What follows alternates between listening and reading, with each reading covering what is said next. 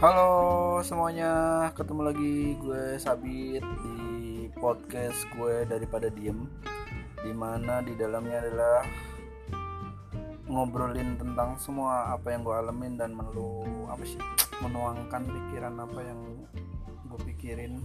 Pokoknya ngobrolin apa aja semoga bermanfaat dan berhibur dan ya sekalian ngumpulin